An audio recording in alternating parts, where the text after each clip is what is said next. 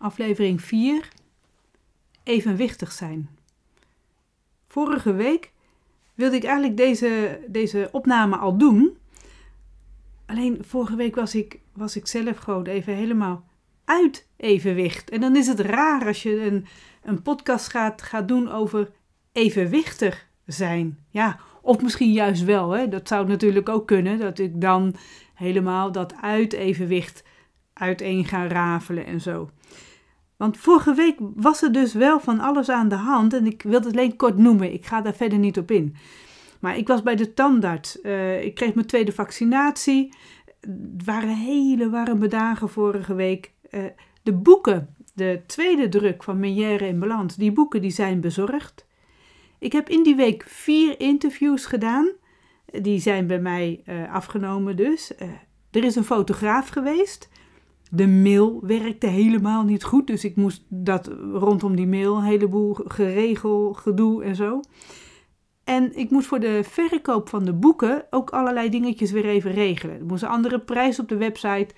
Uh, ik moest weer enveloppen hebben, want de enveloppen die waren op waarin ik de boeken doe om ze te kunnen verzenden.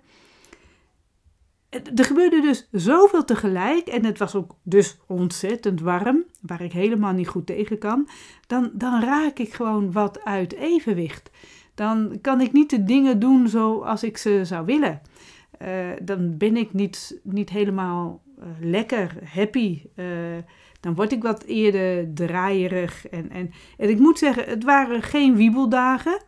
Dat, dat was het dan ook weer niet. ik vond het ook heel leuk Behalve dan de tandarts en de vaccinatie. Maar alle andere dingen vond ik ook wel, wel oké. Mm, behalve dus ook wel de mail die niet werkte. Nee. Dus, dus gewiebel dus. Uh, toch wel uit evenwicht. En deze week is het wat rustiger. Dus ik wil de tijd nemen om, om nu even daarmee uh, nou ja, over te sparren. Even, nou ja, sparren is het ook niet, want ik krijg natuurlijk niks van jou terug. Maar ik wil dat zelf wel met je delen.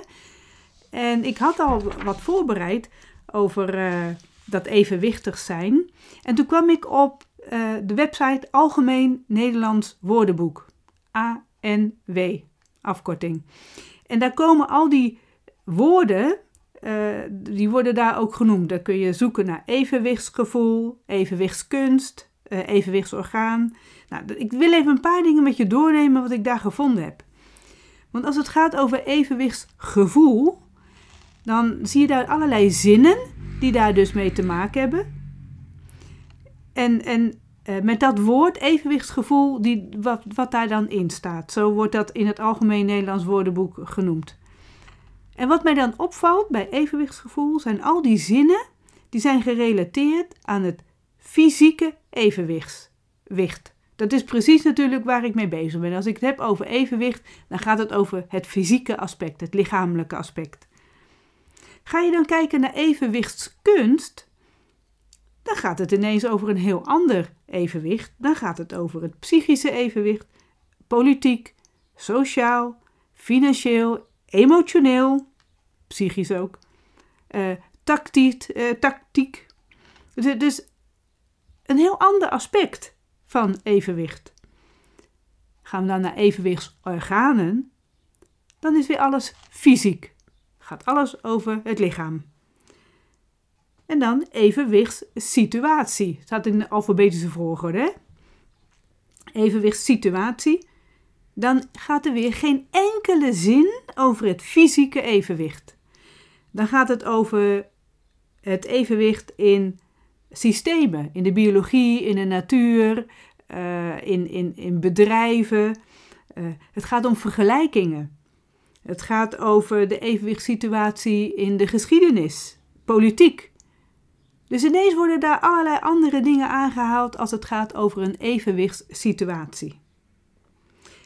Evenwichtstoornis daarentegen is natuurlijk weer alles fysiek.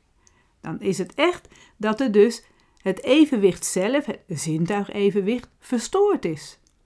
Terwijl je natuurlijk ook een evenwichtstoornis kunt hebben, politiek gezien, of in een systeem. Maar daar wordt dan weer niet aan gerefereerd in die zinnetjes. Eigenlijk best gek.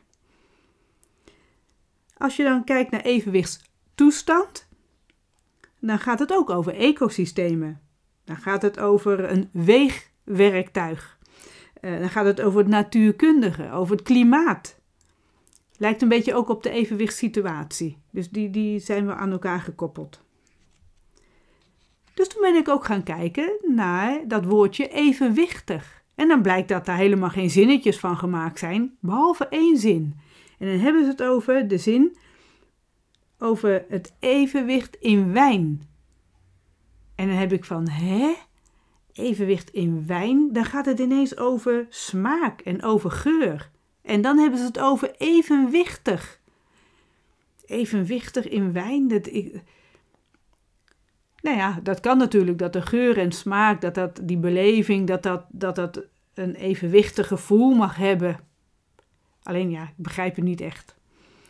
Toen heb ik gekeken naar evenwichtigheid. En evenwichtigheid is net een beetje als die uh, evenwichtssituatie. Dan gaat het over gelijke verdeling. En evenwichtigheid is dus gelijke verdeling van uh, mensen, van producten, in het economische aspect, van maatregelen. En een hele enkele keer zijn er zinnetjes die dan genoemd worden dat het gaat over de emotionele evenwichtigheid. Wat mij ook opviel, is wat samen genoemd wordt, is dat eh, evenwichtigheid tegelijkertijd genoemd wordt met eerlijkheid. Evenwichtigheid en eerlijkheid. En ook betrouwbaarheid en evenwichtigheid en onafhankelijkheid. Net alsof die dus helemaal dus bij elkaar horen, die woorden. Terwijl dat volgens mij totaal verschillende woorden zijn, verschillende betekenissen hebben, worden ze dus daar in zinnen aan elkaar gekoppeld. En ook een zinnetje, de rust kenmerkte zich door evenwichtigheid. Ja, nou ja, dat, dat is het dan ook. Hè. Als je dus in het andere woordenboek gaat kijken, niet in het algemeen Nederlands woordenboek, maar gewoon in de, als je, als je googelt en je komt op evenwichtig en evenwichtigheid, dan staat er afgewogen, gelijkmatig, harmonieus, in balans, rustig, stabiel, uitgebalanceerd, zonder uitschieters. Ja, dat is wat er dus in de woordenboeken staat. En nou heb ik dus, niet dus, ik heb geschreven over wat het voor mij is, dat evenwichtig zijn. En dan heb ik dus ook mijn schriften nu bijgepakt waar ik dat in heb geschreven. Ik ben weer met een heel schrijfproject bezig.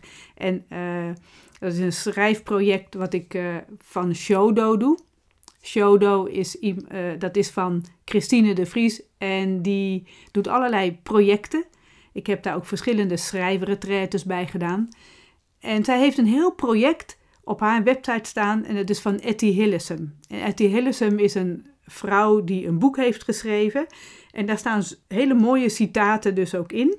En die citaten, naar aanleiding van die citaten, word je uitgedaagd om te gaan schrijven. En dat ben ik nu aan het doen in een nieuw schrift. En dan, uh, ja, dan naar aanleiding van zo'n citaat maak je verschillende soorten teksten. En dit is een van die teksten waar ik dus toen mee bezig ben geweest. En dat is weer een, een woord wat ik gekozen heb uit een eerder geschreven tekst. En dat woord is bewustwording. En dat schrijf ik dan op. En dan begin ik gewoon met schrijven. Dan zet ik de klok op 15 minuten en dan ga ik achter elkaar doorschrijven. En toen ik daarmee bezig was, is dit dus de tekst die dus zo naar boven kwam. Heel langzaam word ik bij steeds bewuster wat en hoe ik het hele gebeuren rondom het evenwicht wil oppakken. En ook dus deze aflevering van de podcast over evenwichtig zijn. Dan gaat het eigenlijk dus over de psychische kant van het evenwicht. Daar wil ik het over hebben. En wat kan ik daar dan over vertellen? Hoe, hoe zit het met mijn evenwichtigheid? Want met evenwichtsbeperkingen sta ik evenwichtig in het leven. Dat is wat ik heel vaak ook noem. Ook in de interviews vorige week benoemde ik het ook wel. Ook al was ik op dat moment, voelde ik me uit evenwicht, kan ik toch zeggen, met volle overtuiging, met mijn evenwichtsbeperkingen sta ik evenwichtig in het leven. Dus, dus hoe doe ik dat dan? Wat, wat bedoel ik daar dan mee? En volgens mij is dat in eerste instantie dat ik er niet te veel over nadenk. Dat ik me evenwichtig zou moeten voelen. Daar, dat woordje moeten. Want dat is het zeker niet. Ik moet mij niet evenwichtig voelen. Dan is evenwichtig, en evenwichtig zijn, is voor mij een, een dynamisch proces. Dat, dat gaat op en neer. Van de ene naar de andere kant. En, en het komt altijd wel weer tot een, tot een balans. Totdat er weer iets langskomt. Dat er iets gebeurt wat ik niet helemaal onder controle heb of niet helemaal in mijn handen heb. En dan, dan is die balans weer weg. En dan wiebelt het weer de een of de andere kant op. En dat is helemaal oké. Dat is prima. En dat is misschien wel de essentie van evenwichtig zijn. Het, het is dan eigenlijk een werkwoord voor mij. Ja, ik zie het als werkwoord. Iets wat beweegt. Iets wat altijd aan de gang is. Een aandachtig proces. En dan zie ik ook het verschil tussen evenwichtig en evenwichtigheid. Ik vind evenwichtigheid, dat, dat vind ik een beetje een stilstaand woord. Dat, dat impliceert dat het iets statisch is, zonder beweging. Dus als ik dit dus nu dit wil delen, als ik hierover praat, dan, dan gaat het dus bij mij over evenwichtig zijn als een werkwoord en niet over evenwichtigheid. Dat slaat stil. Dat, dat, nee. En het is dus altijd aan. Dat evenwichtig zijn is altijd aan. Net als die evenwichtsorganen dus altijd aan zijn. En ik vind het wel mooi om te ontdekken hoe, hoe nauw dit met elkaar verbonden is. Evenwichtig voelen hoeft voor mij dus niet te betekenen dat het elke dag koek en ei is. Dat, dat hoeft dus juist niet. En toen ik dit schreef, had ik dus die, uh, die dat heb ik op een avond geschreven. En dat was dus na het eten. En toen heb ik een glaasje bij het eten, een glaasje rosé gedronken. Met alcohol. Ik drink heel vaak wijn zonder alcohol. Dit had alcohol. En ik kan daar niet zo goed tegen. En dan, dan benevelt mijn brein iets. En nou weet ik dat alcohol heeft direct invloed op mij. En ik weet nu ook hoe dat werkt, want die alcohol die komt ook in de endolymfe in het binnenoor. En dan heb je het weer over het fysieke evenwicht. Dat binnenoor, dat is gevuld met een vloeistof. En die vloeistof is endolymfe. En als je alcohol drinkt, wordt die samenstelling van die endolymfe wordt al beïnvloed. En die evenwichtsorganen die gaan dus anders reageren. Want die alcohol komt dus in die evenwichtsorganen terecht. En omdat het allemaal een andere samenstelling wordt, gaat wordt de werking anders. En word ik daardoor dus wat, wat duizelig. Ik word licht in mijn hoofd, of ja, hoe je het ook maar wilt noemen. En op het moment dat die alcohol verdwenen is uit die endolymfe, dan is er ook niks meer aan de hand. Dus het is ook maar een, een, een periode. Ik weet ook niet hoe lang het precies duurt. En dat schrijven, wat ik toen deed, dus op die avond. Ik was heel snel aan het schrijven. Dit is even wat ik nu vertel, hè. Ik was zo aan het schrijven en volgens mij heb ik nog nooit zo snel geschreven na het drinken van alcohol. En volgens mij heb ik sowieso nooit geschreven na, na alcohol drinken. Dat doe ik niet, want ik drink meestal s'avonds alcohol en dan ga ik eigenlijk ook niet meer aan het werk. Dus ik schreef toen dus heel snel. En dan dacht ik op dat moment dat ik ook heel snel aan het denken was. Maar is dat dan ook zo? Ben ik dan wel helemaal helder? Of is het juist de halve roes die dat veroorzaakt dat ik denk dat ik heel snel schrijf of zo?